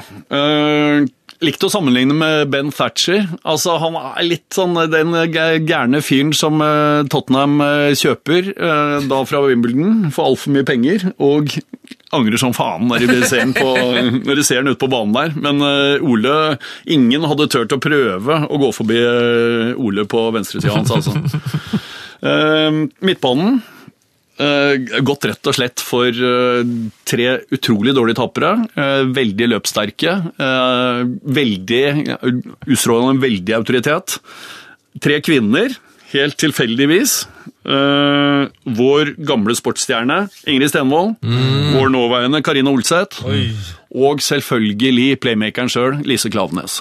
Altså, Ja. Det der er en midtbane. eh, Det er ingen tvil om. Jepp. Skjønner du, eller? Stenvold var, var hun landslagsløper ja, Iallfall hun var med i UVM og sånn på ski. Ja, hun var det. Gikk mot uh, Virpi Koitonen, uh, ja. Ikke så løpstekt. Eller bare Maria Lisa Heimaleinen, for å spørre um, Ingrid om. um, klar for angrep òg, eller? Ja, ja, ja. Takk for det. Ja, to Liverpool-fans der framme. Han ene kommer litt med på det, pluss at han er fra Nøtterøy. Og eh, er jo litt fra en eh, Han har jo vært mye i en verdensdel hvor det ikke er Kanskje fotballkvaliteten har vært så enormt stor. Eh, Sigurd Falkenberg Mikkelsen. Heller ikke noe tekniker, men jeg tror altså han kan bekle den høyresida med veldig stor autoritet. Mm. Rugbymann, egentlig. Så, Ja. Vi er satser, satser på løpsstyrke. Som spiss så er det altså en fyr som eh, virker så hyggelig ellers, som er mest eh, slu og litt infam på banen, eh, men skårer vanvittig mye mål. Harald Tingnes. Harald. Harald Ja, ja, ja, fra. Vevring. Hei, Harald. Og så på venstresida her, faktisk satt inn vår kommentator Thomas Lerdal. Ja. som fortsatt spiller fotball i tredje-fjerde divisjon oppe på Romerike, og er ekstremt ufin. Det fins klipp av ham på sånne lokalsider. Det er, han gjør så mye gærent på banen, men han er, han er ganske god. Eh, så det er elveren. Det er et beinhardt lag, da. eh, Ja, takk. Som du sier. Altså, Annenhver spiller er ufin, eh, rett og slett. Ja, nei, men det er jo som sagt det Nesbøs, eh, Nesbøs utvalgte vi har gått Ja, for her. ja. Eh, eh, Vi har en benk òg. Rekker jeg å få med den, eller? Å, ja, ja. Selvsagt. En mann mange nok ville sagt var selvskreven på laget, har jeg ikke kommet med nå. Det er Jan Fredrik Bjørntvedt. ja, ja. Som, eh, han har spilt masse i Tippeligaen. Ja, han var jo var med der, da Sandefjord endelig kom seg opp. Kaptein, Eh, var han ikke kaptein på Sandefjord? Jo, jeg tror han var alt mulig. jeg. En av verdens største menn. Ja, ja. også. Men det er jo rett og, rett og slett det at han kommer fra Sandefjord som gjør at eh, Han ja. på benken. ja, det er en puddingby, altså. Det er eh, rett ut. Dette er uh, Nesbøånden. Eh, jeg har tatt med på benken uh, Nicolay Ramm. Mm. han er jo en eh, Han er jo ikke noe dårlig spiller, eh, men han er litt for opptatt av god stemning eh, til at en tør å ha han på, på banen fra start av. Rett og slett for blid. Ja. Mm. men jeg tror han kan, eh, han kan bidra mot slutten av kampen. Og så er det sistemann. Jeg må ha med Jan Post, rett og slett fordi alle lag trenger en med den enorme løpskapasiteten ja. hans. Og så virker han jo som Han virker så sindig. Ja. Han Ja, er så rolig. Er han, men du, helt seriøst, er ikke han omtrent Norges beste maratonløper snart? det er helt sjukt. Thomas Alsgaard som har prøvd å løpe med han, og Thomas Alsgaard er sjukt godt trent fortsatt. Ja. Sier at han mannen der er helt rå. Vebjørn Rodal sier at han vil ikke løpe sammen med han på distanser over 800 meter, for han mener at Jan løper fra han. Og det er jo mannen som begynte å trene etter han blei 35 omtrent, altså. Og nå løper han jo snart maraton under eh, 2,10. Herre, herregud. Jeg overdriver litt, men eh, det Jo, men altså, jeg skjønner jo Han, det jo han, helt eh. Jan Postal la en fantastisk reportasje som handla om denne her verdensrekorden på maraton som ble satt for et, et Ja. år siden, halvannet år siden, hvor de da prøver å vise hvor fort du må løpe i snitt Ja. for, å, for å sette verdensrekord på maraton. Ja. Og det er, jo- her. Det er helt vilt. det er over 22 km i timen i snitt. Altså. Du, altså det er fortere enn mange tredemøller går. da. Ja. Må du løpe i to timer i strekk? Nei, det er Helt umenneskelig. Ja, det er det. Forståelig. Det var et strålende lag. Ja, takk. Og trener har vi nevnt. Knut Nesbø. Så har vi hans stedfortreder, Tom Nordli. Sånn i tilfelle Tilfelle skjærer seg. Ja, Ja hvis, skjær hvis, man må, hvis man må rykke opp, så er jo det et kjempe, en kjempemann å ha. Eh, Jeg tror vi avslutter dette, dette laget med å spille av kanskje norsk fotballhistorie og NRK-historien kanskje mest kjente lyd. Hæ? Oh, ja. Kan jeg tippe hva det er? Sportsrevy-vignetten. Gongen, ja. Gongen. Gongen. Nydelig. Og godt. Da går vi til Er den ikke flat! Steinkjer, Steinkjer, Steinkjer. Det er ingen som vil som fotballag som vi.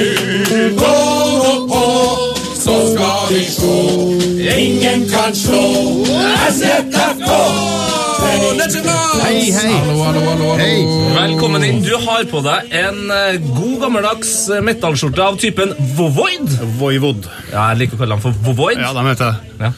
Er du fornøyd med det bandet? Veldig bra band. Det var, de vet ikke om de holder på lenger, men de var veldig fine. De holder gående, altså. Du ser jo ikke dette nettsjef, men vi har med oss en gjest i dag som sitter i Oslo i et bitte lite bøttekott. eh, Jan Petter Svartvedt. Hei, Jan. Hei. Hei, hei, hei. Ja, Dere har møttes før, dere, Ja da, kanskje? vi har hilst. Ja da. Det er bra, det er bra. Er du opptatt av breddefotball, uh, Jappen? Å ja. Yes! Ja, ja, ja. Det, det, er, jo, det er jo Fotball-Norge. Ja, det er der det skjer. Ja, det er det. Det er rett og slett der det skjer. Hva er, hva er ditt eh, må jeg spørre deg, hva er ditt eh, beste breddeminne? Eh, mitt beste breddeminne kommer stort sett uh, hver gang jeg er på Lørenbanen og ser på Hasteløren uh, spiller veldig dårlig fotball. Hva har du å bringe fra breddefotballen, Lars? Nei, vi har, I dag har vi, vi har fått ekstremt masse tips. Vi kan ikke lese opp alle, i hvert fall så porsjonerer vi det i hvert fall ut. eh, over. Eh, fortsett gjerne med å tipse oss. Det er veldig bra, kjære lyttere. E-posten er heiafotballkrøllalfa.nrk.no. krøllalfa, nrk.no. Det er riktig. Til de som noterer der hjemme. Som Arne Skeide pleide å si. Vi har fått eh, spesielt mange tips om det her. Det er da eh, Ridabu Stange, et fjerdedivisjonsoppgjør på Hedmarken. Oi. Eh, Rida... Ja, det kan du si. Ja, det er oi, Det er stange som i stangekyllingen. Nei, det stangekylling er fra Vestfold. Ja, den er det! Ja, Den går i Vestfold. Se der. Stang ut på rett. Det er bra. Og jeg satt og hørte på Jan Post. Det er ikke så rart han sitter på benken, for han treffer bare stanga, vet du. I hvert fall. Ridabu spiller på Black River Park. Faktisk. Eh, på grunn av nærheten til Svartelva, har jeg funnet ut. Eh, men det skulle bli mer black enn som så. Mm I kveldskampen for noen dager siden gikk flomlyset i pausen, og det var ikke å få på igjen. Yes, den saken her! Ingen hjelpemidler hjalp, og heller ikke, som de skriver på blackriverpark.no. Selvfølgelig. I, I sikringsskapet jobbet formann Harald Westgård med å få på lyset med det klassiske elektroverktøyet hårføner. Det høres ut som eh, Det høres ut som starten på blackout. Jeg tipper de skulle få bukt med noe fukt. Eh, løsningen ble, etter det kreative forslaget, å kaste seg i biler, mopeder, traktorer, både spillere, dommere og publikum, og kjøre en drøy mil til hjemmebanen til Stange. Altså bortelagets hjemmebane. Wow. Og fullføre kampen der. Så utrolig Altså, for en gjeng. Kreativt. Det er smidighet i breddefotballen. altså. Jeg elsker det, for Er det ikke noe som at det var faktisk dommere som foreslo det? Og dommere pleier å være litt sånn rigide med at det er jo egentlig ikke lov å spille. Det blir jo på en måte en fordel i å spille bortekamp. Ja. Eller Nettopp. Eller spille hjemmekamp på bortekamp. Ja, nettopp. Men det, jeg tror det var dommere som foreslo det. Det kan være, det vet ikke jeg. Eh, dem- til den som lurer på om det blir urettferdig med tanke på hjemme-bortefordel, så har ikke jeg så mye å si i tilfellet her, i og med at Rida, Rin, Ridabu eh, så lyset og vant 11-0 sammenlagt etter 4-0 hjemme og 7-0 borte. Du, det her kan nesten, det her kan nesten gi ut som en roman, den teksten her. Det er mange gode poenger. Takk for det. Eh, så må vi over til en kort tweet fra um, Twitter. Hei, Ja, så utrolig med en kort tweet da, dere! Det er jo Eh, Råde IL spiller da fjerdedivisjon i Østfold og melder på Twitter mandag under en kamp mot Lisleby. Stopp i spillet! Dommeren tar en liten tissepause. Åh, skal vi begynne å få det der nå? Ja. men det må jo være lov, tenker jeg. Fantastisk. Rådet gjelder er jo bare å anbefale å følge det på Twitter, for der skjer det mye. Det var, det var der Samantha Fox tok avspark i fjor, ikke? Ja, det var det hun skulle ta Ja, ja, avspark med, ja. som ikke ble noe av. Dessverre. Ja, ja, men det er tanken som teller. Tanken som sånn. Tanken som teller. Og så skal vi da til slutt, der der vi har spart godbiten, oppfølging på en breddesak fra forrige uke. Sist episode da fortalte vi om Valencia-spiller Alvaro Gulot, Ja, ja, ja, som signerte signert for femtedivisjonsklubben Ringvassøy i Troms, Ja. og at han skulle debutere forrige lørdag. Riktig, riktig. Vi spilte av et intervju med Alvaro, gjort av klubben, og der de sleit med å finne engelske ordet for grusbane. Altså eh, gravel, da. Og det gjorde at eh, Alvaro trodde de skulle spille på stein. You're gonna play on stone. We, we call it grus. Oh, stone! No, we're gonna No, play on stone! Eh, det var bakgrunnen. Nå kommer oppdateringa. Eh, vi har fått en melding fra Kjetil Ingebrigtsen. Hei, Kjetil. Hei. Eh, takk for at dere hadde, hadde oss med i den siste episoden. Jeg er da den uheldige intervjueren som dessverre ikke klarte å finne ordet gravel. Det hele endte da godt. Alvaro ble matchvinner i sin første kamp for Ringvassøy, og i sin første kamp på grus! Fantastisk. Så ikke nok med at det var hans debut på lørdag. Det var altså hans første kamp på grus, og i tillegg ble han matchvinner! Grattis, Alvaro, eller? Wow. Ja, ja, wow. Det er godt jobba. Og det var oppdateringa. Nå kommer payoffen. I den forbindelse syns jeg at vi skal koste på oss å høre intervjuet på nytt, men som en hyllest til Alvaro og Ringvassøy så har jeg bestilt en litt modifisert utgave av intervjuet fra P3s lydguru Christer. Eller eh, CP Dahl, som vi kaller den her. Og han, og da, han er fotballs trollmann innen lyddesign. Eh, vi er veldig glad i remixer i Heia Fotball, og her er remixen Play On Stone Reggae Mix. Oi. Take it away, Alvaro!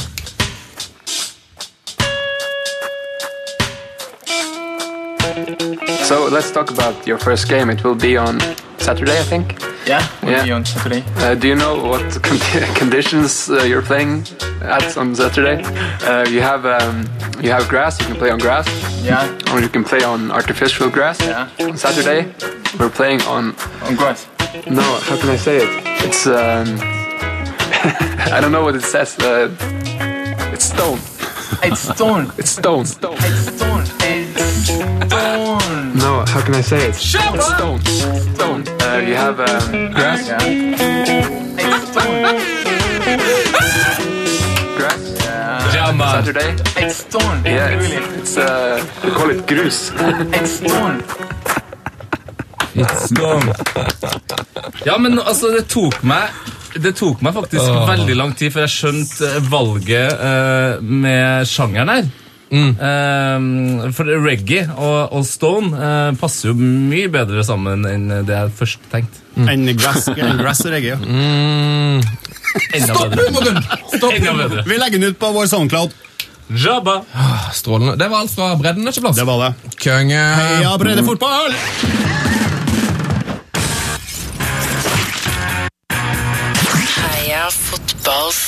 glory hall. Oh, yes. Velkommen endelig eh, inn i eh, Heia Fotballs Glory Hall. Plassen eh, langt forbi egentlig det første første svarte hullet du kommer til, for da går du inn i en ny, Hei. ny dimensjon. Hei. Hei. Og inni den dimensjonen så finnes det en annen melkevei. Som har en helt fantastisk grønn planet. Grønnere enn draktene til Sverresborg her oppe på Trondheim. Ja, og der spiller altså våre helter, våre aller fineste menn. Ja. Spillere som for eksempel Bentner. Niklas Bentner. Ja, Niklas Bentner, som vi da eh, for andre gang satte inn i ja. Glorion eh, sist uke. He's so great they named him twice. Riktig. Eh, Ja, Niklas Bentner ble satt, satt inn var det, det var du som gjorde det for, forrige uke. Var det med et uhell, eller? eh, hvor- Det var med vilje. Det var med vilje, ja. Det var så med vilje. Så Niklas Bentner er altså er vår Glory to ganger. Du kan sjekke ut hele vår Glory Hall hvis du går inn på internett og søker Heia Fotballs Glory Hall. Så er det det første som kommer opp eh, i Google-treff. Riktig. Um, husk å skrive Heia Fotball foran. Det er en um, Ja, skriv du bare Glory Hall? Ikke gjør det! Så, eh, så eh, Heia Fotballs Glory Hall, et fantastisk sted. Er Battistuta der? Battistuta er der, absolutt. Uh, men uh, vi har jo snakka med podkastsyndikatet, og selv om jeg med vilje satte inn Niklas Bentner to ganger, så har vi i dag faktisk fått karantene. Både jeg og du, Sven. Ja, det stemmer. Ja. vi skal komme tilbake til, det, til dette med den karantenen etterpå. Eh, hvis, hvis du skulle hylle én spiller, Jan Petter Saltvedt, i din eh, levetid som fotballfan, hvem er den største? Alan Hansen.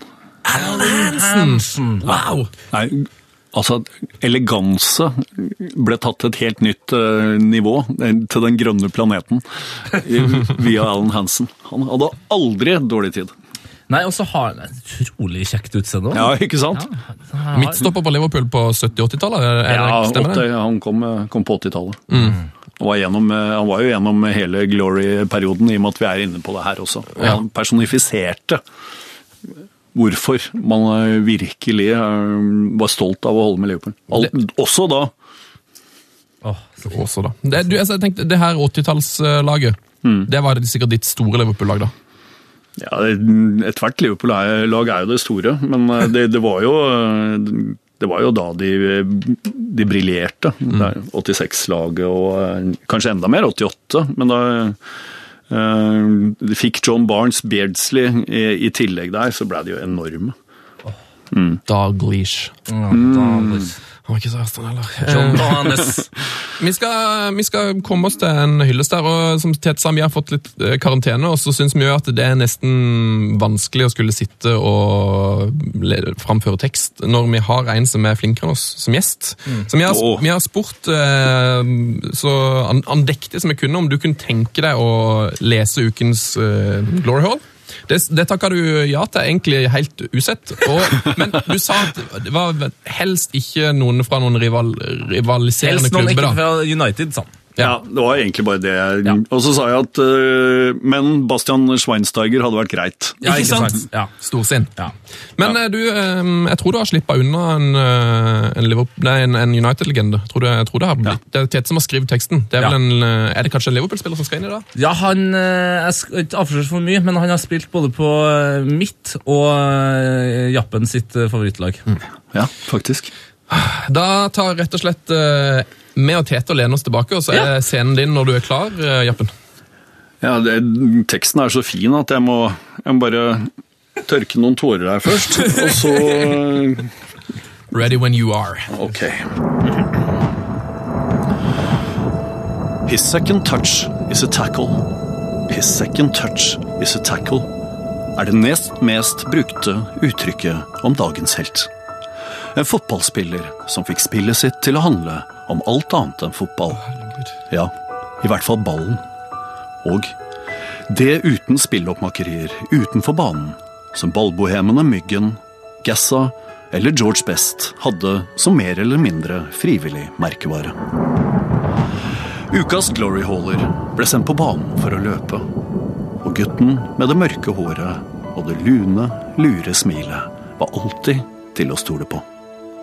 Han løp lengre enn Forest Gump, hardere enn Grete Waitz og stødigere enn et atommur. Han løp for medspillere og fra motspillere. Ja, han galopperte til og med ballen i mål. Ofte.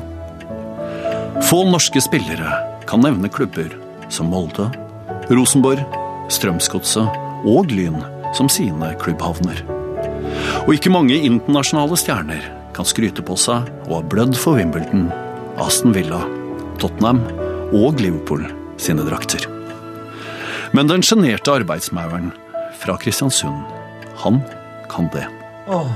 Ja, han står til og med fritt til å drible fram meritter som to Kniksen-priser, to VM-deltagelser, 86 landskamper og 19 landslagsmål i lysthylag. Men det gjør han ikke. For Øyvind Leo Leonardsen er ingen brautende ballstjerne. Han er best uten ball. Herregud.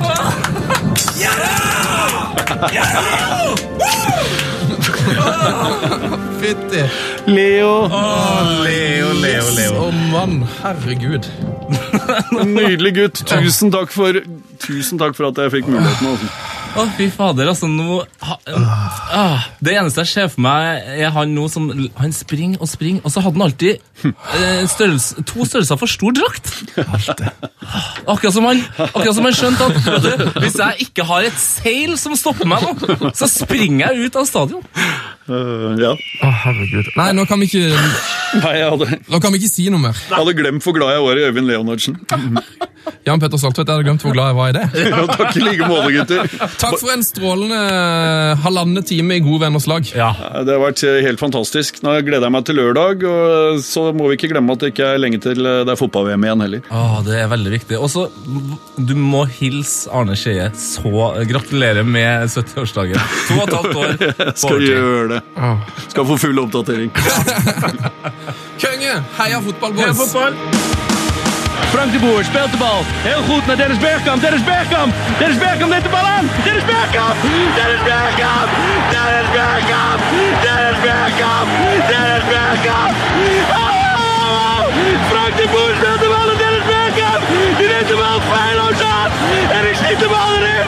We spelen nog officieel 20 seconden. Dennis Bergkamp. P3s Heia fotball. Ny episode hver fredag. Last ned din nye favorittpodkast på p3.no podkast. P3.